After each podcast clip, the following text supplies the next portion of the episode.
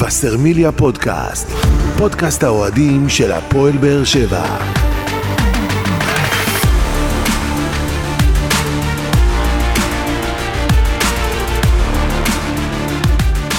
שלום לכם וברוכים הבאים לבשרמיליה פודקאסט, פרק 50 בסדרת פודקאסטים שמלווה את הפועל באר שבע לאורך העונה ותנסה להתמקד בנושאים שאתם תעלו בפנינו בפלטפורמות השונות.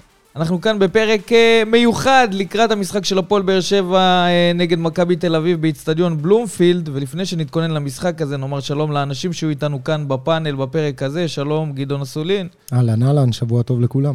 שבוע מעולה, שלום עוזי ניסים ישראל היום. אהלן, ערב טוב, שבוע טוב. אז אנחנו אה, ככה עשינו מאמצים, גדעון, גם אתה, גם עוזי, בדקת קריאה, מה שנקרא, בכדי להתכונן למשחק הזה הצליח לך מול, הפעם, הצליח. מול מכבי תל אביב, והצלחנו, כן, למען. למען האוהדים ששאלו מה עם פרק, אז הנה, יש פרק אה, מוכן אה, לקראת המשחק אה, נגד מכבי תל אביב, לטובת אותם אוהדים שעושים את הנסיעה לאיצטדיון בלומפילד, אז יש לכם גם אה, למה להאזין. חיכינו גם, צריך לומר, להתפתחויות, לראות מה קורה בהפועל באר שבע, גם מבחינת הפצועים, לראות איך הקבוצה מתכוננת למשחק הזה, והיום אני חושב שזו ההכנה הכי טובה שאפשר לעשות לקהל שמגיע לאיצטדיון. לברי המזל שזכו בכרטיס או למנועי כן, החוץ? לגמרי. אז uh, אנחנו נקווה שנכין אתכם uh, בצורה הטובה ביותר uh, למשחק הזה. לפני שנתייחס למשחק מול מכבי תל אביב, בואו בנגיעות קלות נתייחס uh, לאיבוד הנקודות של הפועל באר שבע נגד הפועל ירושלים במחזור האחרון באיצטדיון טרנר. טוב, זה היה משחק, אתה יודע, אנחנו אחרי חודש אה, שאומנם צברנו נקודות, אבל, אה, ושמרנו על שער נקי, אבל כל הניצחונות היו בסוף 1-0. חלק, אה, ה-1-0 שיקף, חלק לא שיקף בכלל, כדוגמת הפועל חיפה, אה, וחלק היינו יכולים באמת לנצח אה, בצורה הרבה יותר אה, גבוהה, או הגענו למצבים. מול הפועל ירושלים, אני חושב שהיה איזה נפילת מתח אה, בגישה של השחקנים. היה איזה משהו שמהרגע הראשון, נכון, היה לנו את החיסרון, ואני חושב שזה חיסרון שגם מלווה אותנו מחר, אבל הוא מאוד משמעותי, גם של ספורי וגם של יחזקאל. אה, שני שחקנים שהם אה, פקטור מאוד אה, חשוב, ל- לפחות ליצירתיות של הקבוצה, לפחות ליציאה קדימה, לפחות להתקפות. אני חושב שבאמת... כי ראינו שמול הפועל ירושלים, יש איפשהו... אה, הייתה איזו אווירה של אה, קבוצה תקועה, לפחות בחלק ההתקפי של הפועל באר שבע, כן, כזה- ברדה ניסה למצוא פתרונות התקפיים. הכל הלך על בטוח, שלא ממש הצליחו, הכל היה שבלוני. אתה אומר בטוח, אני אומר שבלוני. חוץ מרועי. גורדנה, שהיה עם אש בעיניים, אה, אני לא לא זוכר. רועי גורדנה, שמעמדת הקישור, מלך הדריבלים של הפועל באר שבע, שצריך נכון, לומר, זה לא התפקיד שלו, כן? רועי אבל גורדנה, רועי גורדנה, אמרנו, מניה בטוחה, אני לא זוכר באמת מהרגע שהוא ככה השתלב בהרכב וכבר חזר לעצמו, מה שנקרא, אז אני לא זוכר באמת משחקים שאתה לא מקבל את מה שאתה מצפה, כדוגמת שי אליאס כזה, אבל אה, היה, היה משהו כזה, זה... לא או ש- או לא שזה היה שאנ- מובן לא יודע מאליו. אם שאננות, בדיוק, לא או יודע אם. זלזול, לא יודע, אתה יודע, או אחרי ש- אחרי או כל ה- שלחץ. אני חושב, תראה, גם, צריך לא- גם צריך, גם על גם מה- צריך מה איפשהו אה, לבוא, אם אתה מחפש ככה את ההנחות לשחקנים או לברדה, אז, אז המשחק בדוחה מתקיים, לא מתקיים, נדחה, לא נדחה, התקיים ביום רביעי, לא הסכימו להזיז את המשחק אה, מ- אחרי, אחרי שלושה ימים או יומיים וחצי, אתה כבר משחק בטרנר. כן. יש כאן נסיעות, יש כאן עייפות, יש כאן איזה צבירה של השחקנים, זה בטוח, אבל uh, עדיין זה, זה, זה חבל, כי זה איבוד נקודות שיכל היום לשים אותנו במקום אחר לגמרי. זה איבוד נקודות שהוא פספוס, כי בסוף הפועל באר שבע עשתה את אה, שלושת הניצחונות האלה, גם הפועל חיפה, גם אה, סכנין וגם נס ציונה, נכון. והתקרבה למכבי חיפה, שגם שיחקה אחרינו, אחרינו במשחק מול הפועל ירושלים, אנחנו פתחנו בשעה בדיוק. חמש, הם שיחקו לאחר מכן. אם אתה מנצח, אתה גורם להם לעלות למשחק הזה מהמקום השני כמו שהיה עם לראשונה, נס ציונה, שניצחת והלחצת. ואז אתה מלחיץ אותם, ואז הדברים יכולים להתפתח, והפסדת את ההזדמנות לעשות את זה, פספסת את, ה... את, ה... את התקווה הזאת, אבל כן. איך, איך אומרים?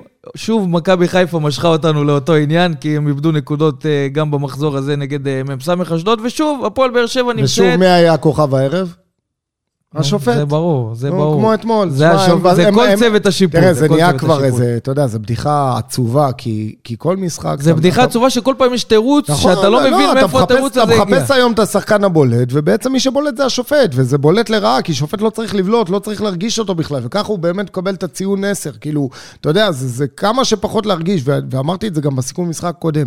עם כל העזרים היום וכל האמצעים שיש להם היום, אני לא מבין מאיפה נובעות הטעויות האלה, וכל פעם אתה תופס את הראש. אני לא אומר, מבין איזה עד טעות, איפה גדעון. הם יכולים, להיד- ל- ל- אתה יודע, לאן אתה זה יודע, זה זה יכול להידרדר? זה היה נבדל ברור, שגם אם של- תוריד... אז גם אם- שהכוון היה צריך לראות גם אם. תוריד לי את המשקפיים ותגיד לי תשפוט, לא, אני אומר לך זה נבדל, אבל עזוב, אז אתה עכשיו זה לקחת לא אותי. לנבדל של סבא שלא היה צריך אפילו לא שידור זה בשביל לא להבין.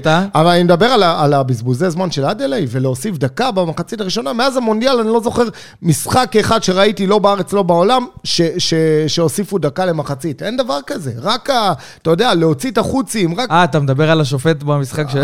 כן, כן, כן, על זה, הוא היה הבולט. כן, גם ואם- אתמול. גם אתמול, הם- כוכבים בכל משחק כן, מחדש. כן. צריך אני אני אותם לשחקן אני המצטיין של הליגה. העונה. לא יהיה לו- לא יהיה לו באמת משקל אה, להשפיע על המשחק. אם אה, דיברתם על השופט, אז אה, השופט של הפועל ירושלים נגד באר שבע, מבחינתי, יהירות ושחצנות מפה עד הודעה חדשה, ואני שמח מאוד על הטעות שהוא עשה באירופה, כי שם אין לתקן. שם מקבלים את העונש ונגמר הסיפור. כן. חבל שלא עושים את אין זה גם פה. פה לא עושים פה, כי אין עם מי לעשות את זה פוליטיקה, פה. פוליטיקה, אתה עזוב. מבין? פה זה בגלל שהוא שפט באירופה והוא שפט במ- במונדיאל, אז הוא חושב לעצמו. אתה רואה גם בהתנהלות שלו, אתה יודע. אתה ראית זה- שברדה בא, מעיר לו על הבזבוזי זמן של אדלה, הוא שולף לו צהוב. אתה מבין? כאילו מה, לאן הגענו? עצם העובדה שאדלי סיים את המשחק הזה בלי כרטיס צהוב, זה תעודת זה עניות בושה. וחרפה. נכון, אין- נכון. אין- דרך אחרת ועדת לתאר את זה. חקירה לדבר כזה, אבל עזוב, בואו בוא לא נדבר על השופטים, כי כבר אין מה לדבר. אני מקווה שאצלם יעשו את זה בדק בית, וכן אה, יבינו שהם פשוט נראים רע ולוקחים את הכדורגל כמה צעדים אחורה. אני רוצה כן להתייחס. דווקא למשחק של אה, חיפה מול אשדוד, כי זה יחבר אותנו למשחק מול מכבי תל אביב, וזה גם שוב צוות השיפוט. והטעות הזאת בנבדל, שאתה יודע, השער הזה לא, זה שאושר שיא בסופו. לא של דבר. הטעות, יותר התירוץ למה לא... עכשיו. התירוץ, אני רוצה זה- להגיע לתירוץ. מערכת. הקווים. מערכת הקווים לא, בהתחלה זה היה כשל טכני, אחר כך מערכת הקווים לא עבדה. אבל נגד מכבי תל אביב כן מערכת הקווים ואחר כך עבדה, אתה הגיעה מבין? התגובה של, הש... של איגוד השופטים, שאומר, אנחנו התרענו בפני המינהלת שבאיצטדיון באשדוד אנחנו לא רואים את כל קווי הרוחב של המגרש בי"א, ולכן אנחנו לא יכולים לעשות, להשתמש בקווים. הפילו את התיק על המינהלת. עכשיו אני רוצה מבין? לשאול אתכם שאלה, כמה זמן יש תבר בליגה? שנתיים שלוש שנים? כבר. שלוש שנתיים שנים פלוס. ב- שנתיים פחות פלוס. או יותר? כן. שלוש שנים משחקים באיצטדיון הי"א. רק נכון. עכשיו נזכרו אה, להגיד שיש את- התקלה, אז. כאילו מה עד עכשיו עבדו עלינו בעיניים? עיגלו פינות? מה מה מה יגידו? עשו? מה יגידו? הפילו את התיק על המינהלת. אתה מבין? עזוב, זה לא רציני, אבל בואו נתקדם למשחק של הפועל באר שבע נגד מכבי תל אביב. דיברנו על המשחק של אשדוד נגד חיפה, חיפה מפסידה שם בסופו של דבר. שוב, הפועל באר שבע מגיעה למשחק מול מכבי תל אביב, שיש עם לה הזדמנות. הזדמנות. מצוינת. הזדמנות מצוינת אה, לצמצם את הפער אה, מול מכבי חיפה ולהיכנס, אתה יודע, לישורת האחרונה, כשיש עוד רוח במפרשים ואנחנו נכון. שם, יכולים להיאבק גם עד הסוף. אבל יש משוכה לא פשוטה, וזו. מכבי תל אביב שמגיעה גם למשחק הזה, שמבחינתה, אתה יודע, הם בתקופה פחות טובה, ויש שם רצון אה, להתעורר דווקא באיצטדיון בלומפילד, והפועל באר שבע הולכת למשחק לא פשוט, אבל היא חייבת לחזור... אה, עם ניצחון. בדרך אה, אחת אפשרית. יש רק דרך אחת לחזור מהמשחק הזה. דרך השלוש, נקרא לה. בוא נתחיל שלוש נקודות מבלומפילד, זה נכון, מה חד שהפועל באר שבע. צריכה בוא, בוא להשיג. נתחיל דווקא מהיריבה, כי אם אני מסתכל עכשיו בעיניים של מכבי תל אביב, ובעצם מאז העזיבה של גלוך, אנחנו רואים שהיא לא מצליחה אה, להראות את היכולות שלה, לא מצליחה להתחבר, המשבר שם רק הולך ומעמיק, ומבחינתה זה גלגל ההצלה האחרון, כי אפשר להגיד האחרון, כי יש עוד פלייאוף ונכון, אבל אם היא מנצחת מחר, היא יודעת שהיא מצמצמת את הפער ממכבי חיפה לחמש נקודות ופתאום הכל נפתח. עכשיו, גם באר שבע בתמונה, גם מכבי תל אביב, גם מכבי חיפה, קודם כל, בואו נשים את עצמנו בצד, מבחינת הליגה זה כיף. אני לא זוכר הרבה שנים שבאמת היה כזה מתח בליגה, היה, כזה, תח- היה כזאת תחרות על, ה, על הפלייאוף העליון, בית"ר ירושלים, ויש לך את אשדוד, ויש לך את הפועל ירושלים, ו- באמת, ומכבי נתניה, ויש כל כך הרבה קבוצות ש, שמג, ש, שמעוררות עניין בליגה הזאת, ו, ו, וזה כיף. והזכרת הזכרת את הניצחון של מכבי תל אביב על מכבי חיפה, ומאז יש להם תיקו מול הפועל תל אביב, יש להם תיקו מול בני סכנין, ויש להם הפסד מול מכבי נתניה, זאת אומרת, הם מגיעים לפועל באר שבע, סוג של לא חיה טוב. פצועה, מאוד באיצטדיון. בלומפילד, שיש כבר הלחץ מבעבע, רואים גם אוהדים מגיעים לאימונים שלהם.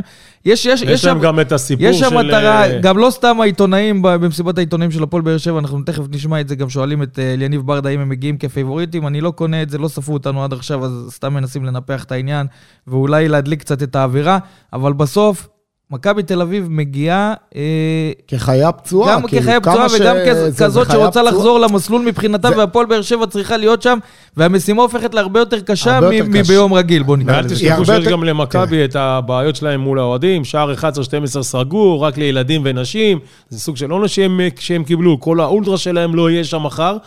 ואיך אמרתם, באר שבע חייבת להגיע מפוקסת, עם עבודה מנטלית של כולם על כולם, ממש, לא על כל ה-11 לדבר, לעשות עב- עבודה מנטלית חזקה אז וחשובה. אם אתה כבר אז לוקח אותי אז לעבודה מנטלית, אני רוצה להתייחס לזה. אוקיי. אני רוצה להתייחס לזה. ואני רוצה לפנות לשחקני הפועל באר שבע כאן, ששומעים אותנו ומאזינים לנו. סוג המשחקים הזה של הפועל באר שבע נגד מכבי תל אביב, זה אחד מהמשחקים שלא צריך לדבר או לנסות להטריף. זה משחק שכל שחקן כדורגל ישראלי חולם להגיע למעמד הזה ולרגע הזה. ואם אנחנו נסתכל על המשחקים האלה של הפועל באר שבע נגד מכבי תל אביב, שם השחקנים הגדולים ביותר מתגלים והופכים לאגדות. ואנחנו זוכרים את פסי הכל, גם על השער של אלניב ברדה עושה את זה שוב, 3-2 באר שבע. גם. אוגו כן נותן, גם מאור מליקסון. שעושה את הניצחון הזה שם בבלומפילד, ששובר את תקרת הזכוכית הזאת, והפועל באר שבע סוף סוף ניצחה שם. אפילו אמיר אבוטבול זוכרים אותו רק וזה. שחקנים שקנו קנו פה את מעמדם לכמה שנים קדימה, הופעה טובה. הופעה כזאת שהופכת אותם לקינגים במשחק מהסוג הזה, הפועל באר שבע, מכבי תל אביב, זה- זוכרים את זה כמה שנים אבל אתה קדימה. יודע, מכבי תל אביב, יש לה דבר אחד, היא תחפש להוציא את השחקנים של יושב משיווי משקל, היא, תחש, היא תחפש לעקוץ אותם ברמה האישית. שאני מדבר עם זה לשמור על שפי שלא יתגרה ועל לופס שלא יתגרה. כי אתה יודע, זה משחק שאפשר בצ'יק להדליק אותו.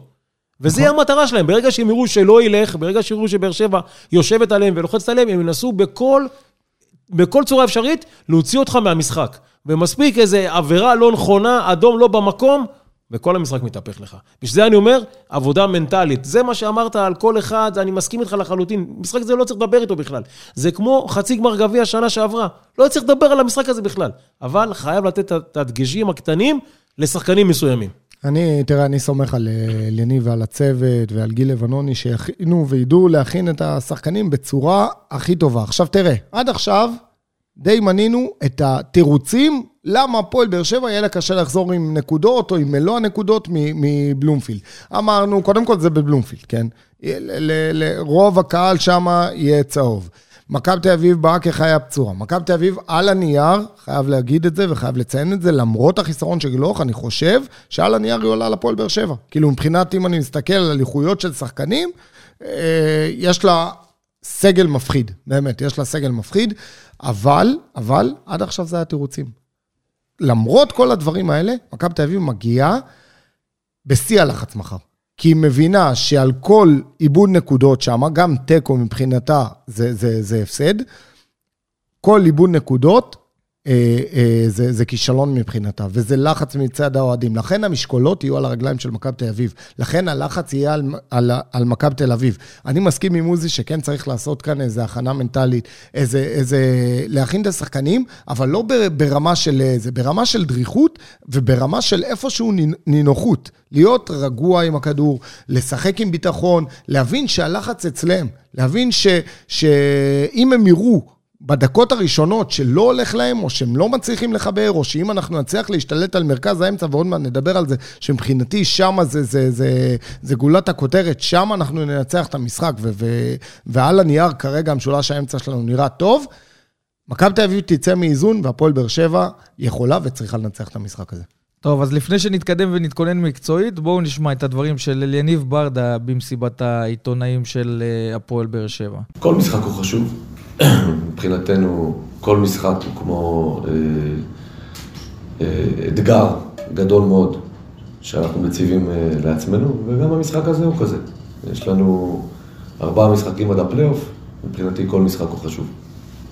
אבל תראה, העיבוד נקודות של מכבי חיפה אתמול, מן הסתם שם זרקור יותר משמעותי על המשחק הזה, בטח מבחינת מכבי תל אביב, שאולי יכולה לראות בזה כהזדמנות האחרונה האחרונה שלה.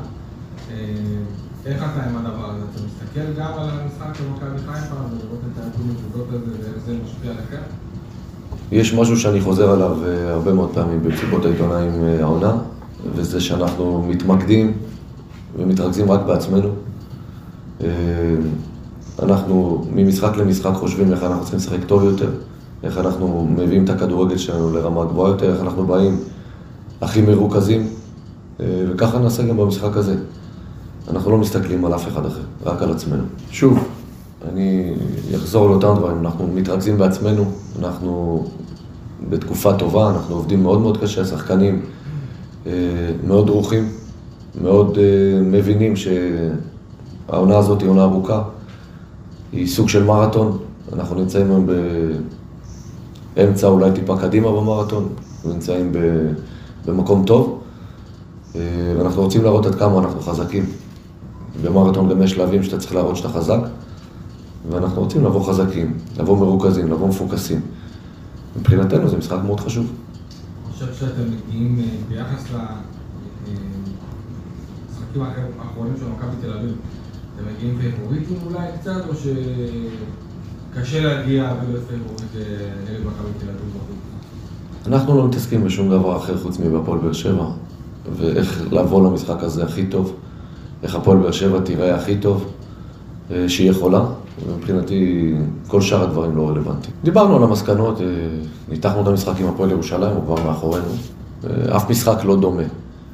בטח המשחק נגד הפועל ירושלים בבית לא יהיה דומה למשחק בבלומפילד בחוץ, משחקים שונים לחלוטין. לכן אני לא חושב שאפשר לקחת מפה איזשהו קנה מידה או השוואה. בשביל זה יש לנו סגל חזק, יש לנו סגל שחקנים טוב מאוד. כל מי שישחק, אני מבטיח, לא נעלה עם עשרה או תשעה שחקנים, נעלה עם 11, נעלה עם ה-11 הכי טובים. השחקנים גם מספיק אחראים להגיד מי מספיק עשיר ומי לא, יש לנו עוד אימון. אה, נבדוק ונראה בדיוק באימון מי מצליח לסיים את האימון. נסיים את האימון, אני מאמין שדברים יתבהרו בסוף האימון לגבי כמה שחקנים שיש עליהם אולי ספק. בסופו של דבר מי שישחק, ולא משנה באיזה שיטה, באיזה מערך, מי שישחק יצטרך להיות הכי טוב שהוא יכול. הוא יצטרך לעזור לבאר שבע להשיג את המטרה שלה, זה הכל. אני לא מתעסק בזה, מתעסק בהפועל באר שבע. איך אתה רואה משחק נגד מכבי, את המשחק נגד מכבי תל אביב, מבחינת המומנטום שלהם? אני מסתכל על הקבוצה שלי. טוב, אז אליניב ברדה מדבר על זה שלא מסתכלים על uh, מה שקורה במכבי תל אביב, בקבוצות אחרות, נטו על מה שקורה בהפועל באר שבע. שאלו אותו שם על uh, עניין הפצועים ועל מיגל ויטור, אז הוא אומר שכל uh, שחקן שישחק יצטרך להתאים למערך ויצטרך לתת את מה שמצפים ממנו. תראה, הוא אומר, הוא אומר שכל משחק שזה חשוב, וזה קצת קלישאתי מבחינתי. אין יותר מדי, אין, אין כי, משהו שאתה מוציא במסיבת העיתונאים, נכון, אין פה לא, איזה מסר שאתה הולך איתו. כי נכון שכל משחק זה חשוב, אבל, אבל יש משחקים שאתה חייב להגיע בשיא שלך בעונה. בסדר? יש משחקים ש, שאתה איפשהו ככה, הדברים התחברו, או ששחקנים קצת יותר במומנטום, או חלק מהקבוצה נראה טוב, אתה עדיין יכול לגרד את, את, את המשחק. ברמת הדריכות של המשחק מחר והחשיבות שלו לקראת המשך הליגה, אני חושב שזה משחק שכולם חייבים לבוא במקסימום, וזה לא משנה כרגע מי עולה. כי אנחנו זוכרים גם בהיסטוריה הרבה דוגמאות של שחקנים שעלו מחליפים דווקא במשחקי עונה, אה, ונתנו תצוגות מדהימות. אז, אז אני חושב שלא משנה כרגע מי עולה מחר, אה, חייב לבוא בשיא הדריכות, בשיא הריכוז, ולתת את המקסימום יכולת שלו. ומי אה, שכנראה יעלה מחר, זה שחקן שדיבר במסיבת העיתונאים בעמדת המגן הימני, אור דדיה. בואו נשמע את הדברים שלו. כל משחק עבורנו חשוב מאוד. היה לנו שבוע ארוך, לנתח את כל הדברים נגד הפועל ירושלים, ולנתח את מכבי תל אביב. אנחנו... נגענו, הצוות מקצועי נגע בכל הנקודות שצריך. אני חושב שאנחנו מגיעים מספיק מוכנים למשחק הזה. חזרת להשאיר אחרי ששגית נפצע, קיבלת הזדמנות מקודשת מבחינתך, איך אתה מרגיש אה, מאז שחזרת לעניינים? קודם כל אני שמח שיש לי תחרות כזאת. אני חושב שאני לא עוד שחקן בהפועל באר שבע, אני יודע שבכל אימון המשחק אני יכול לשחק. כמו שנפצעתי אחרי תקופה מצוינת שלי ומישהו מילא את מקומי, אני חוזר ככה להרכב ואני אעשה הכל כדי להישאר. אתם מרגישים עכשיו שיש את לקראת סוף העונה, שיש הרבה פציעות, ושעכשיו הרוטציה באה לידי ביטוי? עכשיו אנחנו במאני טיים, הצוות המקצועי, מליאני בנה פה סגל מאוד רחב וחזק, ככה שכל שחקן שנפצע, יש מי שימלא את המקום שלו בצורה הכי טובה שיש. מבחינת היריבה מכבי תל אביב, אה, זה אחד המשחקים הכי קשים אה, בעונה, מכבי תל אביב בבלומפילד. אתם השחקנים מאמינים שאפשר לצאת עם שלוש נקודות משם? אנחנו בחדר הלבשה מדברים על הדברים האלה, אנחנו מאוד מאמינים בעונה הזאת ויודעים שאפשר לעשות דברים גדולים. אנחנו נעשה הכל כדי שסוף העונה נגשים את החלומות שלנו. יש מצב שאולי אה, אתם ביניכם ידברו על זה שניצחון במשחק הזה יכול לתת אולי הצהרה חד משמעית אה, לגבי המטרות של הפועל באר שבע העונה? אנחנו לא מחפשים לצאת בהצהרות. כמובן שכל ניצחון עבור, עבורנו השחקנים זה מקדם אותנו לעבר המטרות שלנו. אנחנו באים למשחק הזה כמו כל משחק, מתכוננים הכי טוב שאפשר. אנחנו רוצים לנצח ולקחה שלוש נקודות. טוב, אז גם מדדיה ניסו להוציא אה, כל מיני לא, כותרות. תראה, אני- ו- אני- כן, אבל ומה הוא- המטרות של הפועל באר הוא אמר בדברים שבע. שלו שאנחנו נאבקים על הכל. מה זה על הכל? מה נשאר? נשאר רק אליפות. כן. הרי אין גביע, אין כלום. נכון. אז תגיד אליפות, הכל.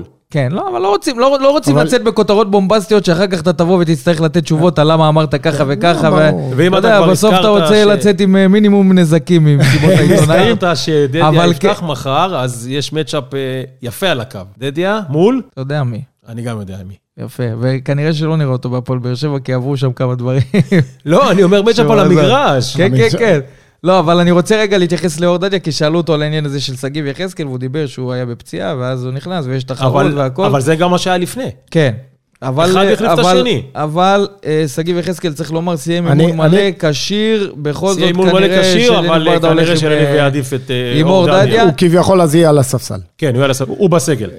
קודם כל זה טוב, זה טוב, ואני דווקא רוצה להתייחס לדברים האלה של אור דדיה, כי, כי אין מה לעשות, אנחנו ראינו את שגיב יחזקאל פשוט אה, משאיר אה, נעליים גדולות לאור דדיה, כי הוא באמת נכנס לתפקיד הזה בצורה שאף אחד לא יכל לדמיין, והוא נתן כאן משחקים מטורפים, ומשחק אחרי משחק התמודד להיות, להיות המצטיין במגרש, ו... ואז באה הפציעה, ואור דדיה קיבל עוד פעם הזדמנות. עכשיו תראה, אור דדיה לא ממלא אה, את הצד ההתקפי כמו שאנחנו מצפים, או כמו שהתרגלנו מיחזקאל. יחד עם זאת, אה, בדברים שלו, הוא אומר, אני אעשה הכל כדי להישאר בהרכב. לנו, מהצד, התחרות הזאת היא סופר בריאה. כי אני חושב שזה שנושפים לו בעורף עכשיו, זה יהיה מעולה, זה משהו שיוכל להוציא מדדיה את, המיטב, ו, ודדיה איפשהו, אני, אני לא יודע להסביר את זה, כי אני חושב שיש לו הרמות טובות, איפשהו שמה בהחלטה האחרונה, בפעולה האחרונה, הוא לא עושה את זה נכון, הוא לא מרוכז, הוא לא, הוא לא רגוע עם הכדור, כי כשהוא כן רגוע, אני ראיתי ממנו, והיה אה, מספר דוגמאות, שהוא באמת הרים את הכדור טוב. אני מצפה, אה, גם מאל יניב, כן, ש, שהמגנים יוכלו יותר לתמוך בהתקפה. נגד הפועל ירושלים אני לא ראיתי שום תמיכה, לא של לופז, לא של דדיה. בקושי היו מעורבים במשחק מבחינתי, והתרגלנו לראות מגנים תוקפים. ברגע שיש לך שני מגנים תוקפים לצד כנפיים חזקות, אה, משולש אמצע חזק, זה, זה באמת מתכון להצלחה, ואני מקווה באמת לראות את זה מחר. אבל גדעון, אה, רגע, קשה אני רק מאוד, רוצה- קשה מאוד אה, להשוות בין דדיה ליחזקאל בצד ההתקפי. נכון, נכון, הם, הם, סגנון שונה, אבל... הוא מטבעו, הוא קיצוני, נכון, יש לו את נכון. כל הפרמטרים נכון, לא להצליח, והוא מצפה, מביא את זה איתו. אבל לח- לעומת רגע, זאת... לפני, לעומת- לפני שמפתחים פה את הדיון, אני רוצה לצרף לדיון הזה, אחד מהאנשים הבודדים שהיו במסיבת העיתונאים של הפועל באר שבע, היחיד. לדעתי היחיד, אבל היה הכי קרוב להכנות של הפועל באר שבע למשחק הזה, ונאמר שלום לאיציק קלפי, כתב וואן ברדיו דרום, שלום קלפי. אהלן, מה נשמע חברים? קלפי, עשו לך, קלפי? עשו לך היום... היחיד, היחיד, לא? בין הבודדים. אמרנו, היחיד, תוקן היחיד. קלפי, עשו לך היום הקיץ של אביה, אה? נשארת שם לבד מה, בחדר. האמת, האמת שזה לא פעם ראשונה, זה לא- זאת לא הפעם הראשונה, אבל אה, אני חייב להגיד שזה... אתה היחיד- זה- אתה היחיד שמקבל בוכטות זה- על העבודה הזאת, אין מה לעשות. אבל אבל שתדע גדעון, שזה בעוד קבוצות, זה לא רק בהפועל באר שבע. עצוב, אני אגיד לך את האמת. יש פה מסר. יש פה מסר של עוזי ניסים, תעשו את מסיבות העיתונאים אחרי הצהריים ולא בתשע וחצי. לא. מתחשבים. נוח להם. אגב, אני, אני מסכים לגמרי בעניין הזה, אני חושב שמסיבת עיתונאים, בוא נגיד, היה לי למשל את זה, למשל, סתם, במ"ס אשדוד. קבעו מסיבת עיתונאים ליום שישי בשעה תשע ורבע. עכשיו, להביא, להביא עיתונאים למסיבת עיתונאים של מ"ס אשדוד, שהיא לא אחת הקבוצות הגדולות, אה, אז אני הצעתי לדובר לעשות את המסיבת עיתונאים אחרי.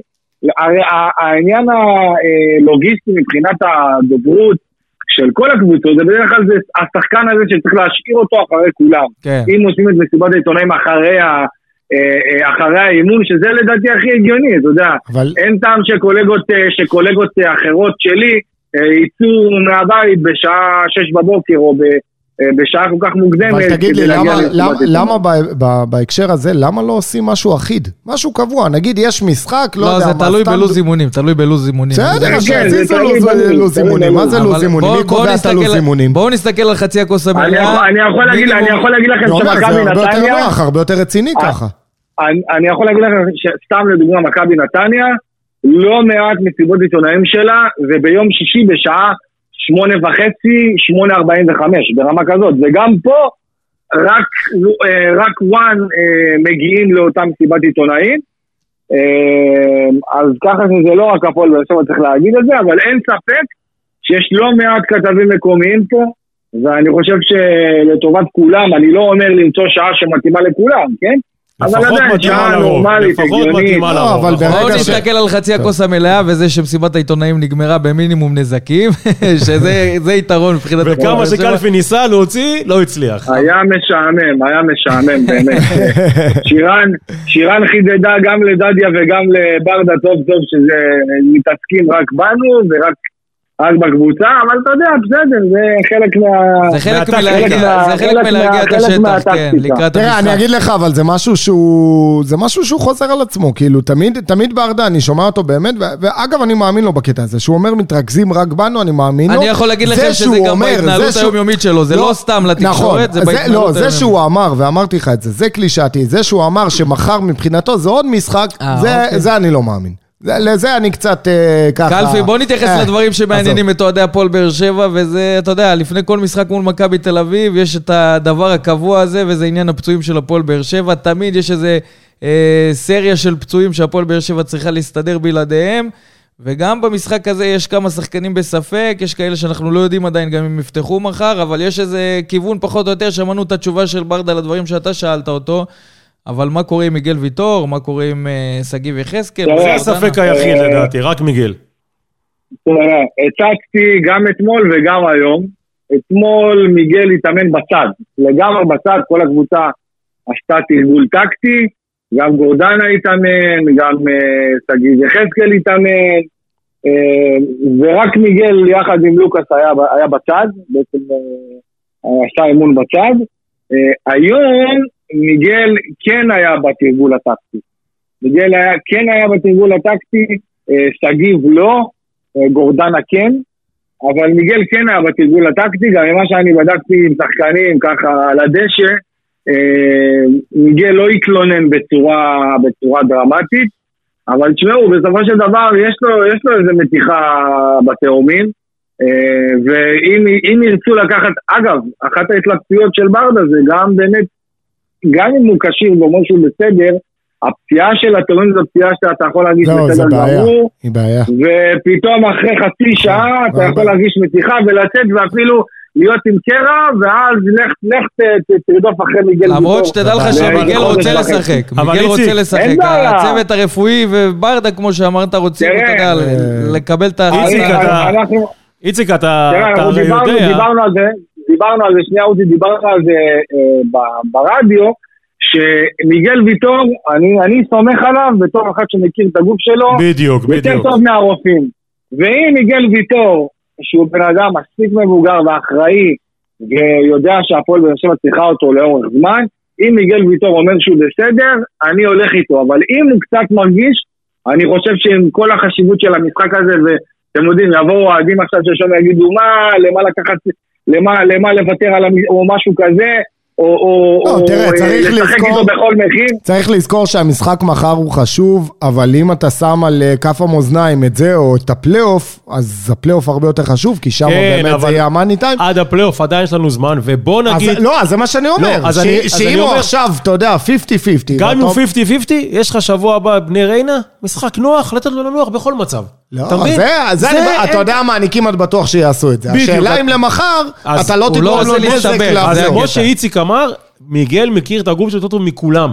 ואם כן, מיגל יודע להגיד כן. שאני בסדר, אני בסדר. הוא גם זה יודע, נכון, הוא אבל גם מצד יודע, שני יש לך את ה... אתה יודע, את הלהט הזה, ו- ו- ומיגל הוא ווינר. וזה לא משחק שאנשים, שח- ששחקנים יוותרו עליו. נכון, זה מה זה שאני אומר. יש שחקנים, יש שחקנים שצמאים לחולצת הרכב, והם יודעים שמשחק כזה או אחר, אני אתן דוגמה למשל. תגיד יחזקאל, עכשיו רואה את אור דדיה שלוקח לו את חולצת ההרכב, ושגיב יחזקאל יכול במקום כלשהו לבוא ולהגיד, אני רוצה לשחק, אני יכול לשחק, לא משנה מה, כי הרצון הזה באמת לשחק, ורוב השחקנים כאלה, מיגל, מיגל לא מפחד על החולצת הרכב שלו, הוא יודע שהוא banker כן, בהרכב. כל עוד הוא כשיר. יחד עם זאת, אנחנו מכירים את הווינריות שלו, אפילו איתי שכטר בתחילת השנה שהתראיין ואמר, אני לא ראיתי ווינרים, חשבתי שאני הכי ווינר עד שפגשתי את מיגל ויטור, שמבחינתי כל אימון מבחינתו חייב לנצח וכל משחקון וכל... אז יש לו את ה drive הזה, יש לו את הווינריות הזאת, קל וחומר שזה מול מכבי תל אביב, אבל אה, עוד פעם, אני, אני מאוד מאוד אני מקווה ש... מקווה שהוא מספיק אחראי ש... כן. וגם, אתה יודע, גם בצוות, אני יכול להבין לגמרי אה, אם יקבלו החלטה אחרת, כי בסופו של דבר, אתה יודע, תשמעו, בסוף הטווח הארוך הוא חשוב מאוד, אבל במקום מסוים יש גם חשיבות למשחק הזה מחר, אני באמת, באמת, קשה לי, קשה לי להגיד מה אני מעדיף, כי, כי בסופו של דבר אני חושב שזה יכול לבוא לידי ביטוי בזה ש... אה, הפועל באר שבע אה, תאבד את המשחק הזה, אבל שוב, בגדול, אני חושב שעצם זה שמכבי חיפה הפסידה, אה, העיקר הפער לא יגדל יותר מ- יותר מארבע נקודות. לא, הפער לא יגדל, ה basic. הפער לא יגדל, ו- ודיברנו על זה מקודם ככה בהכנה, אמרתי, אני, אני, איך שאני רואה את זה, המשקו, המשקולות הם על הרגליים של שחקני מכבי תל אביב, חד משמעית. הפועל באר שבע כן, צריכה אבל להגיע, מצד שני, כן, מצד שני, גדעון, אני חושב שכאילו יש איזו אווירה שעם כל ה... ו- וכל הסביב הזה של מכבי חיפה, יש כאילו אווירה שזאת באמת ההזדמנות האחרונה של מכבי תל אביב. נכון, אבל אז, אתה רק, אז אתה מחזק. אני אומר, אבל, לא, אבל אתה מחזק את הדברים שלי, זה, זה מלחיץ אותם.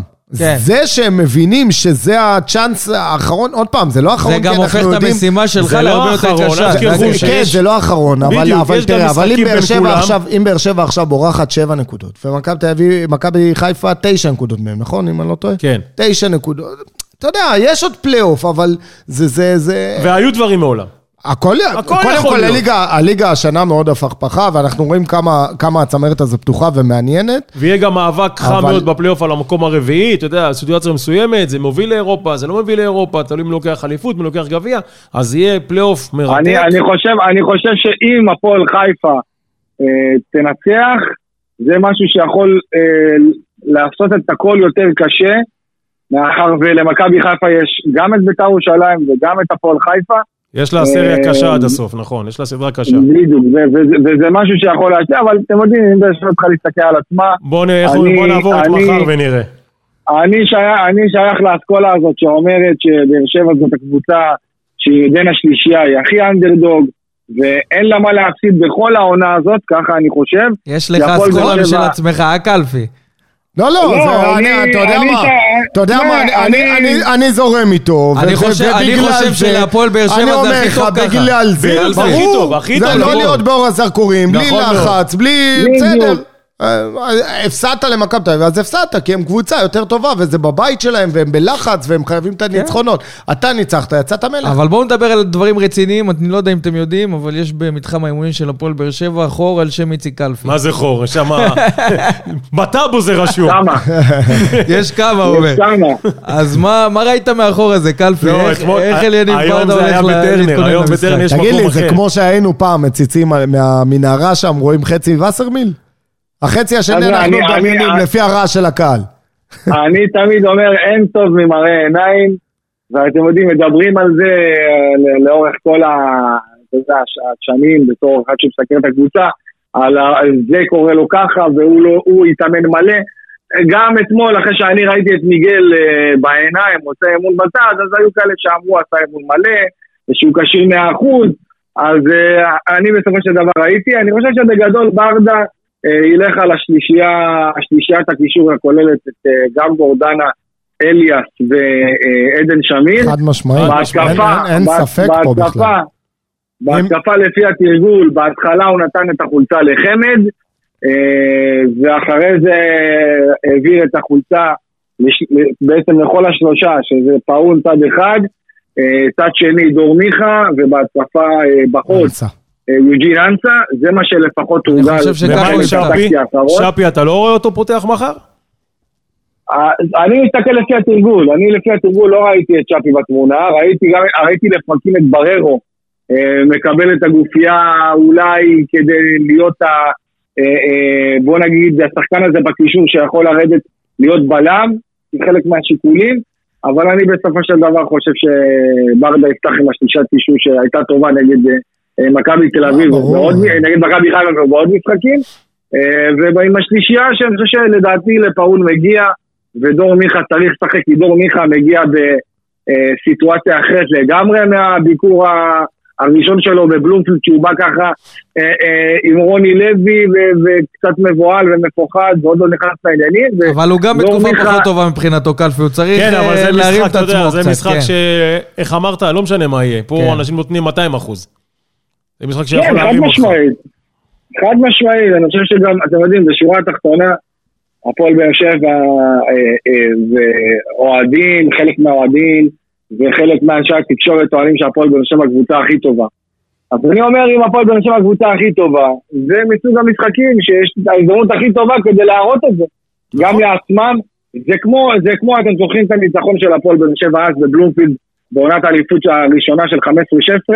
נכון, עם כן, הגול של שהפועל באר מליקסון. שבע בא, כן, של מליקסון וברדה, כן, דיברנו על זה בדיוק. באו לשם, עשו את הניצחון, וזה הניצחון שגם גרם להם כנראה להאמין. להבין, להבין שהם. ראויים ויכולים ללכת עד הסוף, נכון? בדיוק, כי אם נכון. תהיה בדיוק עוד איזה נפילה, מעידה, אגב, תיקו גם יכול להיות טוב להפועל באר שבע, לדעתי, נכון. אה, אבל אה, זה תלוי איך המשחק מתפתח. זאת אומרת, יכול להיות תיקו ש- שאתה מצליח אה, לצאת עם משהו ממשחק שאתה פחות טוב בו, ויכול להיות תיקו שאתה יודע, אתה צריך לנצח את המשחק, אבל אה, פה איזה החמצת פנדל, ופה איזה אדום שמשבש לך את המשחק, ואתה, ואתה נשאר עם וואי, תחושת האדומים פספוס. האלה, יש לי חרדה מהאדומים האלה מול מכבי תל אביב. בדיוק, אה, אם, אם התבאסתי על משהו שלא שאלתי את ורדה או את דדיה, זה על הקטע של השופטים. כי אתם יודעים, אני חושב שגם מכבי... היית צריך לשאול אותה צריך אם- הם באים עם קווים מהבית, זה מה שאתה צריך לשאול אותו, קלפי. או קווים מהבית, או, או מה, או או מה המאזן קיצפר. של, רק על הקווים. או מה, או מה המאזן של, אה, המאזן של אה, ריינשרייבר עם אה, הפועל באר שבע במשחקים האלה מול מכבי תל אביב. אז אה, לא שאלתי, לא שאלתי, אבל אני חושב שבגדול הפועל באר שבע צריכה לבוא עם כמה שפחות לחץ. ואם הפועל באר שבע, אתה יודע, בעצמה, תאמין בעצמה, אבל מצד שני, אה, תדע שזה, אני חושב שהפועל באר שבע אם לא תיקח אליפות נוכח ההתחזקויות וההתחמשויות של מכבי אביב ומכבי חיפה, זה לא כישלון, אבל אם מכבי חיפה או מכבי תל אביב, אחת מהן לא תיקח אליפות, זה יהיה כישלון. אז אם באר שבע תבוא בגישה הזאת, ולא, אתה יודע, תנסה לשים על עצמה אה, קופים על הגב, אז אה, אתה יודע, אולי עם איזה קצת מזל וקצת ברכה, והפועל באר שבע תוכל לעשות ניצחון ש... שבאמת ייתן לה גם משמעות להמשך. כי עכשיו זה המאני טיים, יש עכשיו... בוא אה, נ- בוא נקווה נגד- שאלפי אוהדים של הפועל באר שבע שנוסעים לבלומפילד יעצרו בחזור בברקה, אתה יודע, גם ברכה וגם יאכלו כמו שצריך אחרי ניצחון. ונדאג ששמעון ישים שום שם בשערים. קלפי, כן. עוד שאלה ככה לפני סיום, גם קלימאלה וגם רמזי ספורי, קלימאלה אנחנו מבינים אה, פציעה בשרירי הבטן, רמזי שיקום אחרי ניתוח, אנחנו יודעים פחות או יותר מה הצפי חזרה שלהם? רמזי פחות או יותר חמישה שבועות. אה, לגבי קלימאלה, סדר גודל של שלושה, ארבעה שבועות. צריך להגיד שקלימאלה הגיע לארץ, אה, הוא לא, הוא לא הדגיש על איזה פציעה כזאת או אחרת, אבל בהפועל באר שבע שמו, שמו לב בשבוע, שבועיים האחרונים, שלא מעט הוא מרגיש כאבים כאלה ואחרים. אה, ואז בעצם ברדה החליט לשלוח אותו לסדרת בדיקות. שעלה מהן שיש איזשהו אה, אה, נזק באזור הבטן, וכתוצאה מכך מדובר במנוחה. אני חושב שבגדול, אני לא יודעת כמה זה טוב לקלימאלה, כי אתם יודעים, בדרך כלל כשחלוץ חדש מגיע ויש הרבה ציפיות, אז הדבר הכי טוב מבחינתו שהוא נותן איזה גול בהתחלה, שנותן לו ביטחון, וגם מוריד את הלחץ מהקהל ומהצוות המקצועי. אני מקווה מאוד אה, שזה דווקא יהיה טוב לקלימאלה, ו... ואתם יודעים, אולי אם עכשיו קלימאלה לא יהיה כחלק מהרוטציה בתקופה הקרובה, אז אולי זה ייתן אולי חמד אה, או לשכטר, אני באמת מאמין שבאר שבע לא, לא ראתה מספיק משניהם, בדגש על תומר חמד שאני מאוד מאוד מחזיק ממנו וחושב שהוא חלוץ מצוין, ואתם יודעים, כל הסיפור שקרה סביב אבא שלו, זיכרונו לברכה, כן. זה מראה עד כמה הוא היה בתקופה, ואתם יודעים, זה לא פשוט להיות במצב כזה. שאתה במעין איזה חרדה רגעית לכל איזה טלפון או לכל איזה הודעה כזאת או אחרת, אז זה בטוח השפיע עליו, וזה אפילו שהוא מקצוען והכל, יש דברים שבסופו של דבר, אתם יודעים שזה קשורים למשפחה וזה קשה, וזה בטוח משפיע. אני, אני יש לי עוד תקווה ש, שתומר חמד דווקא יכול להיות משהו, משהו מאוד טוב ומרענן. שוב, אם גם עניין של מזל ו... אנחנו אה, גם, אנחנו גם שיעזרו לו משתתפים, להיות ככה. משתתפים בתקווה שלך, קלפי. אה, אתה מחר לא תהיה במשחק, אבל הלב שלנו איתך, זה, אתה יודע, בנימה אישית. איפה אתה, איציק, מחר, אם מותר לשאול? מה, מה, מה? איפה אתה מחר מחר? יש אזכרה, מחר יש אזכרה לאימא שלי ארבע שנים. לפני הכל. איך אמרת לפני דקה? המשפחה לפני לפני הכל. יהי זכרה ברוך. יהי זכרה ברוך. קלפי. תודה רבה, ורק בבשורות טובות שיהיו לנו. אמן, אמן. אמן. תודה חברים, ביי ביי. שמענו את הדברים של קלפי, שמענו פחות או יותר מי כשיר למשחק הזה, אבל אם אה, נצלול פנימה ונבין, אולי החוליה הבטוחה של הפועל באר שבע זה חוליית הקישור. הקישור, אבל בואו להיות נתחיל מ- כן. מהשוער, זה עמרי גלאזר, אין ספק. חוליית ההגנה, כנראה שאור אני- דדיה... אני הולך עם מיגל, שמיגל עולה מחר. אני החוליית גם מאמין, הגנה אני הקלאסית. גם מאמין. אני- אז אנחנו מדברים על דדיה, אבו עביד, מיגל ולופז. בדיוק. נכון. זה, זה החוליה שלדעתכם אה, כן. תפתח במשחק הזה. צריך לומר, יכול להיות שגם זה חלק מהטקטיקה של כן, יכול להיות, ברדה יכול להיות, יכול לדקה להיות. אני גם 99, חושב, גם זה עבר לי בראש. לשמור את הקלפים. קרוב לחזה. אה, כן, גם לשחקנים, אתה יודע, יש אותם במתח. נכון, כן. זה, זה פתאום, אתה יודע, אומרים לך, מיגל עולה, ופתאום אתה ושמענו את מרגיש אור את ה- דדיה, את מה הדחיפה אמר הזאת במסיבת מאחורה. העיתונאים, אבל שהוא יודע, לא איך- שחקן בהפועל באר שבע, שתמיד יש לו את התחושה שהוא אבל יכול איך לבוא אמרת ולשחק בהתחלה, בהרכב. מי שבא למסיבת עונאים פותח. אז זה אנחנו, זה בלנקו את אז זה. אתה אומר, סגרנו את אור דדיה. סגרנו את לא, אור יכול להיות שזה אור גם הפוך על הפוך, אני לא אור לוקח פה אור סיכונים, דדיה עוזי. יפתח, אני מאמין. לא, אור דדיה יפתח, אור דדיה יפתח. ושגיב יחזקאל ישמור אה, כקלף, אה, אולי אפילו התקפי יותר, לא לא חייב שהוא ייכנס אה, בעמדת המגן. יכול להיות שהוא ייכנס ככה ויתמוך בעמדת הכנף. מה. פתאום יהיה כן, כנף יכול קיצוני? להיות, יכול להיות. טוב, בוא נראה. כי תראה, עוד פעם, בסוף היה חסר לו הביטחון, זה לא זה זה לא לשחק כדורגל. ולהפך, ועכשיו יש לו גם יותר אחריות קצת לחזור אחורה. וחוליית הקישור, אמרנו, אליאס, שמיר וגורדנה, מבחינתכם אין פה צל של ספק בכלל. הכל, שמה הכל ייפול. מבחינתי גורדנה. וראינו את המיני רוטציה איש של ברדה, שחילק גם את הדקות חבר'ה, האחרונים. אליאס, גורדנה, את שמיר, שלושתם במשחק גורדנה זה טוב. באר המאמן. שבע- באר שבע חוזרת עם שלוש נקודות הביתה. גורדנה זה המאמן על הקווים, איזה אני- מאמן במגרש. גורדנה- גורדנה זה האיש של אלניב ברדה בדיוק, במגרש. בדיוק. וגורדנה- ואם אני אקח אתכם קצת אחורה, לא נרשם לאירופה, חזר מפציעה. לא, ברור, כאילו ברור, היה כבר לא צעד קרה וחצי. כלום. נכון? אבל תיקח את גורדנה, לפני שנתיים-שלוש, דבר כזה לא עובר בשקט. גורדנה התבגר, הוא יודע שזה הבית שלו, ואנחנו גם אה, שומעים שיש... אנחנו גם אבל חייבים ש- לו שיחות, שיחה בהפתעה לשמוע את חייבים, הדברים ממנו. חייבים. אבל שמע, אני, גם- גורדנה קונה אותי, לא רק בקטע ההגנתי שהוא מביא, וכל הזמן הקטע ידענו שגורדנה הוא כזה. נכון. זה עצם העובדה שהוא משתחרר מלחץ של שלושה ארבעה שחקנים סביבו, הוא מצליח לעשות את הדריבל במשחק מול הפועל ירושלים, נכון. הוא מספר אחד בדריבלים בהפועל באר שבע, נכון.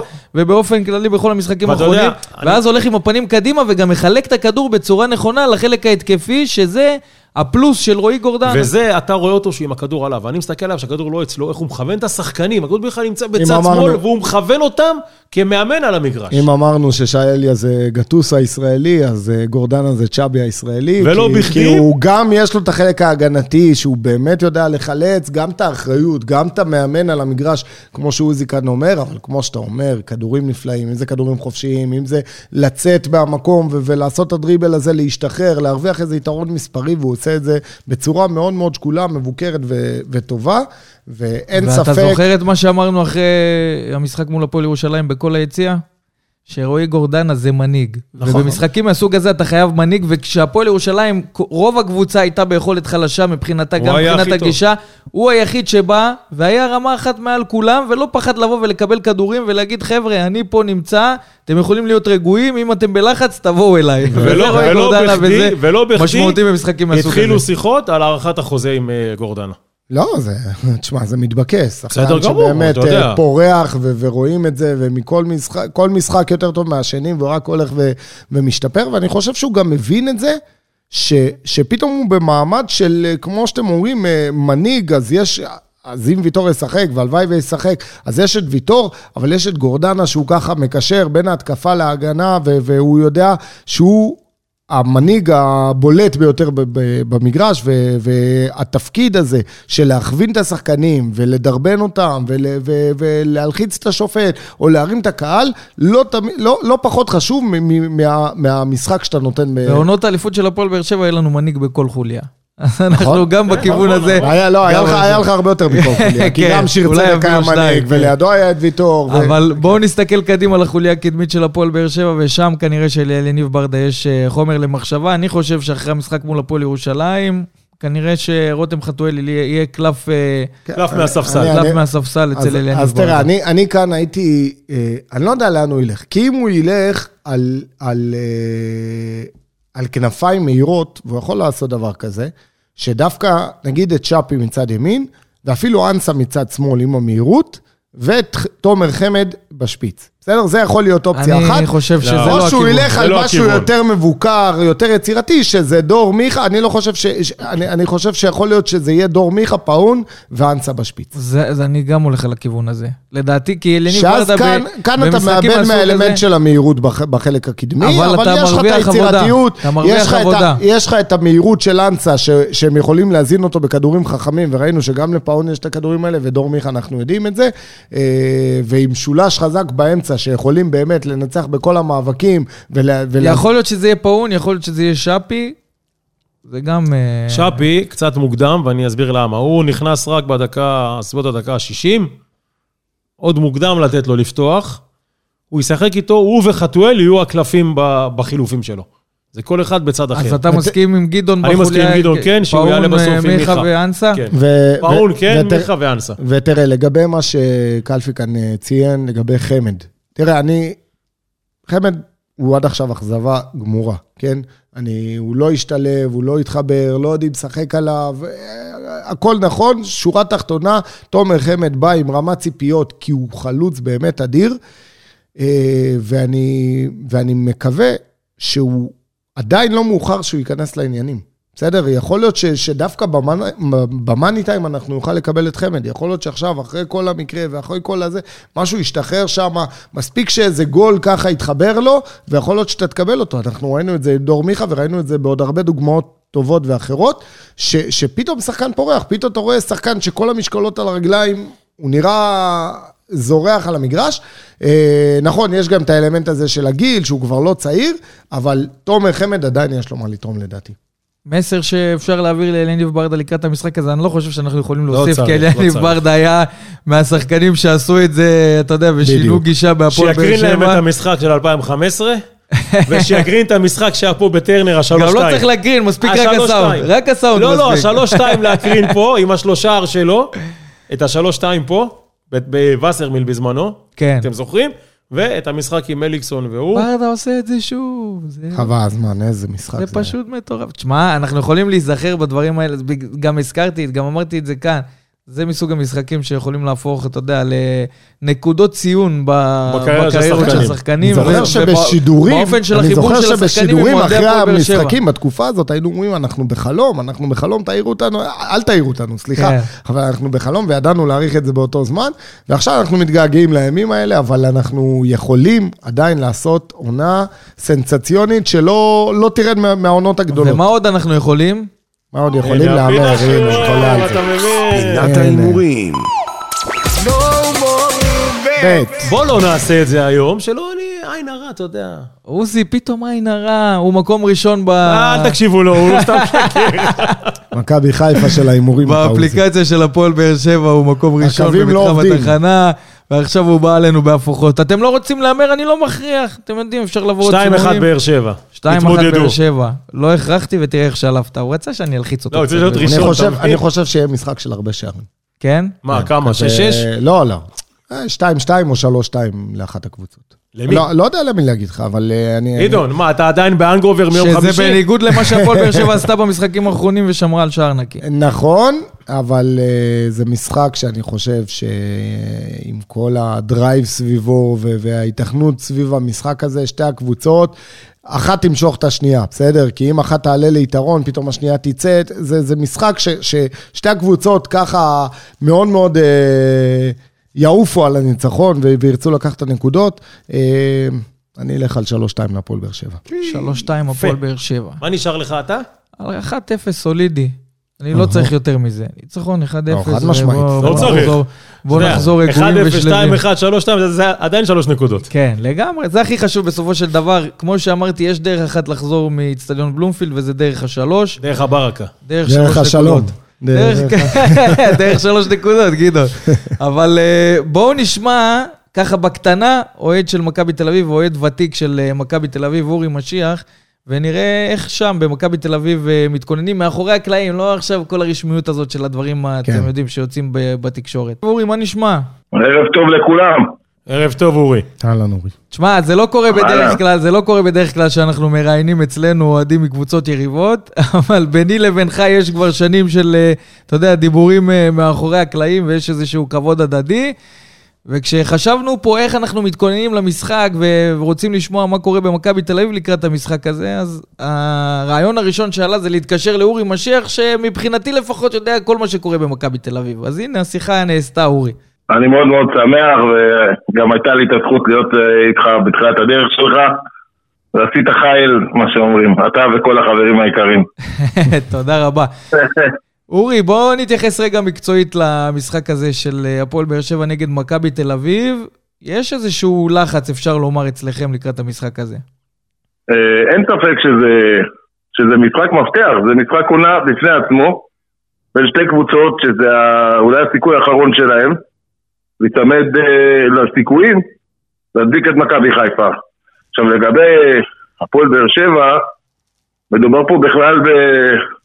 בווין ווין, זאת אומרת, ניצחון על מכבי תל אביב, נקודה ממכבי חיפה, עם המון אנרגיות, המון מרץ, ומכבי חיפה נמצאת בתקופה ממש, בוא נאמר, לא טובה, עם הרבה פחות רעב, פחות, אה, יש שחיקה, עייפות, והפועל באר שבע יכולה לתפוס, אה, איך אומרים? לתפוס את הכיוון שלה, את המעלית שלה לאליפות, ולעומת זאת מכבי תל אביב, אה, חמי, אה, בוא נאמר, אם היא תנצח זה חמש נקודות, לפני חודש היה משחק שמכבי תל אביב ערכה את מכבי חיפה, ניצחה וירד הפער לחמש נקודות, אבל אני חייב להגיד משהו על שתי הקבוצות. שתיהן יודעות, כאילו על מכבי תל אביב והפועל באר שבע, שתיהן יודעות לבעוט בדלי. כל פעם שהיה להם סיכוי להתקרב, הם בעטו בדלי עד עכשיו. זה- זה נכון. זה פשוט, אה, אני אומר את זה עכשיו כאוהד מכבי תל אביב באמת, כאילו, אם אנחנו לוקחים אסטרטגיה, אז אה, אני מאמין שרוב אוהדי מכבי תל אביב ישימו את היריבות עם הפועל באר שבע, ולא ירצו שמכבי חיפה תזכה באליפות שלישית רצופה, אה, כיוון שאסטרטגית, תבין, זה כאילו, זה או שאתה הולך ויוצר פה שושלת של אפילו עשר שנים קדימה, עם כל הקטע הזה של ליגת האלופות ופה, ואו שאתה כאילו, אתה יודע, שושלות נבלמות באיזשהו שלב. אתם יודעים את זה, אתם הייתם עם שלוש כן. אליפיות רצופות. אז בוא, בוא נסגור ו- את זה ככה, אורי, בוא נסגור את זה ככה. תן לנו שלוש נקודות, ואנחנו נמשיך את המלחמה עד הסוף. אין בעיה, אני אתן, חשבתי שאתם רוצים שלוש נקודות מקצועיות. אה, אני אני אגיד לכם משהו על מכבי תל אביב, קודם כל. הפועל באר שבע יש לה סוג של מחסום פסיכולוגי, שהיא באה לבלומפילד מול מכבי תל אביב. למרות שהוא אה, די נשבר, אתה יודע, ב... כן, כן, אני בדיוק בא- לדבר על המשחק ההוא עם השתיים אחד, עם ברדה. כן. שזה באמת היה כמו אליפות בשבילכם, וזה באמת אה, ככה. אה, זה כמו שבמכבי חיפה יש מחסום בבלומפילד, הפועל באר שבע נראה לי שכל פעם שהם מגיעים לאיזה משחק שהם צריכים לנצח אותו, מהשנה שעברה עם הפועל תל אביב, אתה זוכר את ההפסד? כן. זה כל פעם בועטים בדלי. עכשיו, מכבי תל אביב מלא- מלאת בעיות. יש לה עכשיו גם מאמן שכאילו out of the blue בשביל רוב האוהדים של מכבי תל אביב, והם אומרים בלב, תן לי רק להעביר את העונה עם המאמן הזה, ושיבוא מאמן חדש. עד כדי כך, כבר והפועל- שרפו אותו. עכשיו, במכבי תל אביב הבעיה המרכזית המקצועית השנה, זה שבנו קבוצה ששני החלוצים שלה המרכזיים, המובילים, שהם השחקנים הכי חשובים בקבוצה כביכול, חייבים לשחק בהרכב, כי הם שני שחקני אה, סופר על מבחינת הקבוצה. ובגלל זה, אה, בוא נאמר, מאמן אחד כבר לא ידע איך לסדר את זה, בסוף עזב. ועכשיו יש פה מאמן שני. אני רואה שכבר מדברים להחזיר את השיטה הקודמת של איביץ', כי, כי השיטה הזאת עם ה-4-4-2, זה לא, לא, לא, לא עובד, כבר 2-3 משחקים, לא עובד. אז אה, זה בעיה, מכבי תל אביב לא, לא הביאה שחקני כנף לשחק 4-3-3. ומכבי תל אביב לא יכולה לשחק 4-3-3, כי זהבי ויובנוביץ' חייבים להיות בהרכב. עכשיו, כשאתה עושה דבר כזה, אני לא אומר את דעתי פה, אני אומר שיש פה סוג של בעיה, כי יובנוביץ' לא יכול לשחק בכנף, רק שפיץ, וזהבי זה שפיץ, אז במשחקים האחרונים זהבי ניסה ללכת אחורה יותר, אבל התיאום ביניהם אה, זהבי, לא היה כמו שצריך. זהבי בפריחה הגדולה שלו היה מתחת לחלוץ בכלל. זה שהוא עם השנים ככה כן, התפתח להיות שיחק, הוא חלוץ. שיחק באמת, גם הוא שיחק בקישור האחורי שהוא היה בהפועל תל אביב, הוא שיחק 50-50, וגם כשהוא בא למכבי תל אביב היה בקו שני. ב-2012-2013, הוא שיחק בדיוק את הקשר השלישי אה, בצד שמאל, ומשם הביא מספרים. אבל ההתקדמות האדירה שלו, הפריצה הנהדרת שלו הייתה שסוזה העביר אותו להיות חלוץ, ושפאקו שכלל את החלוץ המדומה, והביא אותו לשבור את השיא של ניסים אלמליח, זיכרונו לברכה, אם אתם זוכרים. אורי, בוא, בוא נדבר רק ל- לחבר'ה שלנו, מה שמעניין אותם, איך ההיתכנות מחר, אה, באיזה, איך איזה, התחושות איזה אווירה, שלכם איזה שם אווירה הולכת? להיות בבלומפילד, מה, מה, מה הרגשות שם בצד הצהוב? אתה, אתה לא צריך אירוע מיוחד בשביל... אה, אתה רק שם את, הפועל, את אה, מכבי תל אביב, הפועל באר שבע, משחקים כאלה, זה טירוף. זה לא משנה באיזה מקום הקבוצות האלה יהיו. יש יריבות שנוצרה, ויריבות ספורטיבית, ואני שמח שבשנים האחרונות זה הרבה יותר ספורטיבית אה, מאשר אה, אלימה, וטוב שכך. יש אה, אוהדים מאוד טובים לשתי הקבוצות. אני יכול להגיד לך, ולא יודע אם תסכים איתי, אבל אני יכול להגיד לך שבתור אוהדי באר שבע, או מי שמסקר את הפועל באר שבע, אנחנו לפני חודש וחצי, אולי קצת יותר, נסענו לסמי עופר, ומאוד מאוד מאוד חששנו מהמשחק הזה. כאילו, אתה יודע, זה היה מבחינתנו להיות או לחדול, ואני זוכר את הפרפרים ואת הלחץ אצלנו בקהל, בעמדות השידור, ב- היה איזה עננת של, של לחץ. השאלה אם זה מה שקורה במכבי תל אביב היום לקראת המשחק מחר. אני לא חושב שמכבי תל אביב, השחקנים האלה הם אה, עברו הרבה בכדורגל. אני לא חושב שיש אצלהם לחץ כמו שאתם נתתם לסמי עופר. אני לא חושב, אני חושב שהבעיות של מכבי תל אביב הם, הם, לא, הם לא בקטע של אה, להתכונן למשחק או משהו כזה. הם יותר בעיות בתוך המגרש עצמו, בחיבור בין השחקנים, בעמדות. אה, שוב, קבוצה שתבוא ותצופף נגד מכבי תל אביב, זה יגרום לבעיות קשות. קבוצה שתבוא ותשחק פתוח, כמו שמכבי חיפה עשתה, אז uh, פתאום אתה רואה קבוצה אחרת. עכשיו צריך לזכור דבר אחד, מכבי תל אביב לפני חודש היה שחקן בשם אוסקר גלוך, נכון? וזה מצחיק שקבוצה של מעל 100 נשענה מיליון. שקל נכון. נשענה על ילד בן 18, זה פשוט מצחיק. ואני אני שמעתי, אני שמעתי מאנשי מכבי תל אביב שהם מאוד הופתעו, הם האמינו שאוסקר גלוך יסיים את העונה במכבי תל אביב, הם לא על מחליף, הם לא... פתאום זה קרה מה שנקרא, ואין ספק, זה פגע במכבי תל אביב בצורה, אני קורא לזה אנושה אפילו. אתה מבין, זה גם להחליף מאמן שעדיין פה לא מבין איפה הוא נמצא, מי נגד מי. האוהדים רואים את זה, הם מבינים את זה, הם רואים את המסיבות עיתונאים, כמו היום, ואתה רואה כל הרשת החברתית מלאה בביקורת, ואני לא קונה את מה שהם אומרים, אבל כשאתה בא למגרש, בסוף יש פה יוקרה, יש פה אוהדים, יש פה... אתה יודע, כשמכבי תל אביב הגיע לטרנר, אם אתה זוכר, בסיבוב הראשון, אז כאילו אף אחד לא חשב שהפועל באר שבע תהיה כל כך טובה. פשוט מכבי תל אביב לא הייתה במגרש, לא היה אמצע. כן. הקרב הזה באמצע, הקרב הזה באמצע לדעתי ינצח את המשחק. נכון. אם אתה זוכר שדן גלאזר היה לבד מול שלושה שחקנים ובסוף הוא קיבל אדום. מסכים איתך לחלוטין. ועכשיו אני מבין שהולכים לשנות את, ה, את השיטה, מדברים על זה, ש- שמכבי תל אביב ישנו את השיטה ל- של חמש שלוש שתיים, ושיהיה שלושה באמצע, כי הם גם מפחדים כמובן. יחפשו פתרונות אה, יחסית למה שקרה אה, בסיבוב הראשון. תן לנו את התחושה שלך לתוצאה במשחק הזה, אורי. תראה, אני אגיד לך משהו, כבר אמרתי את זה מקודם. אני לא חושב שמכבי תל אביב תזכה באליפות, ואם אני צריך לחשוב על טובת המועדון שלי אסטרטגית, ברור לי שאני מעדיף שאם זה לא יהיה מכבי תל אביב, מבחינת התחרות בין שתי הקבוצות אה, עם מספר האליפויות הגדול ביותר, כאילו חיפה והפועל תל אביב זה קרוב, אני מעדיף שהפועל באר שבע תיקח אליפות. אבל ספציפית למשחק הזה, אני, לצערי, אני שוב, לא לצערי, כאילו, לדאב- לדאבונכם, אני חושב שהפועל באר שבע שוב תיבד בדלי. אני חושב שהפועל באר שבע תיבד בדלי, כי אני רואה את זה, חודשיים, שלושה, כל פעם שהם מגיעים למקום שיש בו קצת מתח ולחץ. כן, יש בוא בו- נגיד את האמת, אבל אורי, גם לא-. גם לא ספרתם, ואני לא חושב גם בתקשורת הארצית, לא ממש ספרו את הפועל באר שבע. עד- עד לאותו סיבוב הזה שניצחנו אתכם, וגם, אתה יודע, כשזה התקדם, זה היה מכבי תל אביב, מכבי חיפה. אז אתה יודע מה? אני דווקא לנו- אומר לך לנו טוב, לנו טוב הזלזול. אני לא חושב שזה זלזול, להפך, אתם קבוצה מפוארת. זכיתם בעשור הזה אה, בשלוש אליפויות. יש לכם את הבעלים שאולי הכי קרובה לקבוצה אי פעם שהייתה בליגת העל חוץ מיענקלה שחר, שקרובה והיא למעשה גם המנהלת המקצועית. אתה מסכים איתי? אלי ברקת ואלונה ברקת הם כבר שניהם זה בעלים ומנהל מקצועי ביחד והיא עושה הכל כדי לשפר אני לא ראיתי דבר כזה, האוהדים של מכבי תל אביב בהלם איך הפועל באר שבע כל הזמן מצליחים להביא כל הזמן להחליף זרים וזה לא היה טוב, נקפיא אותו אין בעיה לא לא. ובהפועל באר שבע זה הפוך. רגע, זה- לא הבנתי, הם. מקנאים בזרים שלנו? כי- אני לא- אני מוכן- לא. להתחלק זה- בקטע לא, הזה. יש זרים טובים, צריך אה, להגיד את לא, האמת. זה- איפה? אני רק אומר ש- שאלונה, אלונה היא, היא, היא הופכת את העולם בשביל שהקבוצה שלה תהיה יותר טובה כן. אחרי שהיא חזרה מהסיפור הזה עם הבחירות, עם מרץ ועם רעב, והכיס נפתח, מה, מה מה יש להגיד, בתור אוהד אני ניטרלי? אני אומר, הלוואי לנו יהיה כ- כזה, כאילו, ב- בעלים שככה חי את הקבוצה, הוא רוצה כל הזמן לשדרג. אה, הוא רוצה שהסגל של ה-22-24 שחקנים שלו יהיה הכי טוב שאפשר.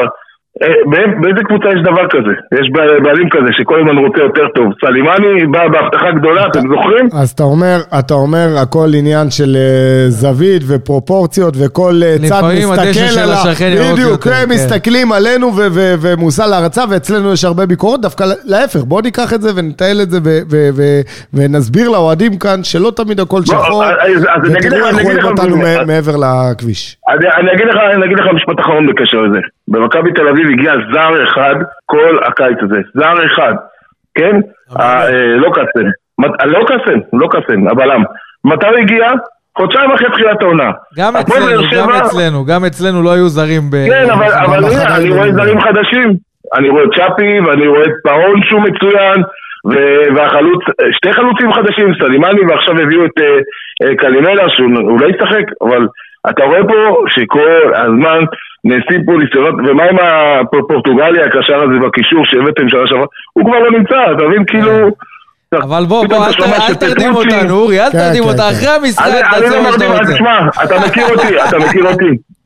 אתה מכיר אותי, אני. הכי דוגרי בעולם. אני הכי דוגרי בעולם. אני חושב שמכבי תל אביב תנצח לא בגלל שהיא טובה, היא ביכולת ממש לא טובה. אני חושב שהפועל באר שבע לא תעמוד בלחץ הזה. למרות שהסגל שלה כרגע אנחנו נקווה. אחרת, אורי, אנחנו נקווה אחרת. תודה רבה שהיית איתנו, אורי משיח, אנחנו מודים לך על השיחה הזאת. תמשיך עם העבודה הטובה, תמשיכו עם העבודה הטובה. איש. תקשורת לשעבר, אני יודע להעריך את מה שאתם עושים. תודה רבה. שאפו. תודה. טוב, אז זאת, אה, שומעים את זה, במכבי תל אביב רואים את הדברים אה, קצת אחרת. די, מע- אנחנו לא עושים את זה יש בדרך חשש, כלל. יש חשש אה, גם די שם. מעניין לשמוע גם מה קורה בצד השני. אה, אפשר לקחת חלק מהדברים, יש כאלה שלא לא נסכים איתם גם. אבל אה, זה מה שקורה כשגם מעלים אה, אוהדים יריבים. אני חושב שבמשחקים מהסוג הזה אפשר לתת במה גם למה שקורה לא, בצד השני, ברור, זה גם ושמענו את הדברים להפך, משם. מכניס אותך לפרופורציות, אתה מבין מה חושבים עליך, איך רואים אותך, ו- ואתה מבין, גם בדברים שלו, הוא אומר, הפועל באר שבע זה מועדון גדול, אנחנו מתייחסים אליו כמועדון גדול. הזרים של הפועל באר שבע טובים, טוב, בזה אנחנו יכולים ככה אה, לחלוק איתו הרבה. אה. הבעלים של הפועל באר שבע טובים, אתה מבין? אז, אז אני אומר, כל פעם, כל אחד בוכה בבית שלו, ו- ומה קורה, וחושב שאצל האחר הרבה יותר טוב. אה, בסופו של דבר, צריך להודות על הקיים, צריך להודות על מה שיש, על מה שהפכנו להיות, והפועל באר שבע בהחלט מועדון, אה, כד- מועדון צמרת בכדורגל הישראלי, ו- והוא ימשיך להיות ככה, כל עוד אז זה אה, יתנהל ככה. לפני שאנחנו מסיימים את הפרק הזה ומאחלים נסיעה טובה לאוהדים, משפט אחד מנטלי או איזה מסר שאתם רוצים להעביר לקראת המשחק הזה לאוהדים, לשחקנים, צוות מקצועי, מה שאתם רוצים. אל תבעטו בדלי. בעטתם בו מספיק. גדעון? מסכים עם עוזי, אה, זה בראש ובראשונה, ככה לרשום את זה באותיות אה, קידוש לבנה על הלוח, אה, אבל לבוא רגועים, לבוא דרוכים, לבוא מרוכזים, להבין שהלחץ הוא עליהם, להבין שהלחץ הוא עליהם, ושוב, גולת הכותרת מבחינתי זה משולש האמצע. משולש האמצע חזק, במשחק טוב של שלושתם, והפועל באר שבע חוזרת עם שלוש נקודות. אני רוצה להוסיף לדברים שלך דבר מאוד משמעותי מבחינתי, וזה הגישה, הגישה של הפועל באר שבע למשחק הזה. ראינו משחקים שזה פחות עובד מבחינת הרצון, לפחות איך שזה נראה מבחוץ מבחינת השחקנים. אבל אנחנו רוצים לראות, אוהדי הפועל באר שבע רוצים לראות שחקנים שלא מפסיקים לרוץ משריקת הפתיחה עד שריקת הסיום לאחר תוספת הזמן. אם הולך, אם לא הולך, לא משנה מה קורה תוך כדי המשחק. כשאנחנו רואים על קר הדשא שחקנים שמייצגים אותנו ולא נחים ולא נכון. מפסיקים נכון. לרוץ דקה אחת ולא, ולא משנה לאן המשחק הזה מתפתח, הם נכון. עושים הכל בשביל לעשות לנו טוב, אנחנו מעריכים את זה וגם הוכחנו את זה כמה וכמה פעמים, גם אחרי הפסדים. שאחרי שראינו איך השחקנים משחקים על קר הדשא, גם אם אתה מפסיד, אתה אומר לפחות שמנו פה את הלב, את הנשמה, נתנו את הכל. אז הגישה של הפועל באר שבע למשחק הזה חייבת להיות ככה. לראייה, אה, המשחק בסמי עופר, שהפסדנו בו, וידענו שזה אולי מסיים לנו את העונה מוקדם מהצפוי, והעונה הזאת לא, לא תצא עם שום דבר. עדיין יצאת משם עם תחושת גאווה. עם הדברים האלה אנחנו נסיים את הפרק הזה, וכמובן שנשתמע בפרקים הבאים, לא לפני שנאחל לכם נסיעה טובה לכל אוהדי הפועל באר שבע, אלפי אוהדים ש... הצליחו וזכו ככה אה, לשים ידם על כרטיס ובלי לספסר, חברים, בלי לספסר. גם בלי לספסר, ומי שמגיע, אנחנו מצפים מכם, כמו שאנחנו מצפים מהשחקנים לקרוא את המגרש, מצפים מכם לקרוא את הגרון ביציעים ולהביא אווירה ביתית לאיצטדיון בלומפילד, להרגיש טרנר בבלומפילד ולטרוף את הקבוצה במשחק מאוד משמעותי, רגע לפני הישורת האחרונה של הפועל באר שבע אה, וסיום הליגה. להביא דחיפה אדירה אה, למועדון הזה, וככה אה, להחיות מחדש את התחושות שקורות כאן אה, בעיר באר שבע סביב הקבוצה הזאת. וכמובן, נקווה, כמו שאמרנו גם עם השיחה עם קלפי, שנחזור עם חיוך, תעצרו בברקה לאכול ככה ארוחה טובה אחרי ניצחון. זאת הציפייה. יש לו אחוזים שם, תאמין לי. ושיהיה לנו בהצלחה, יאללה באר שבע. יאללה, בואו נמלא את הדליות פה. וסרמיליה פודקאסט. פודקאסט האוהדים של הפועל באר שבע.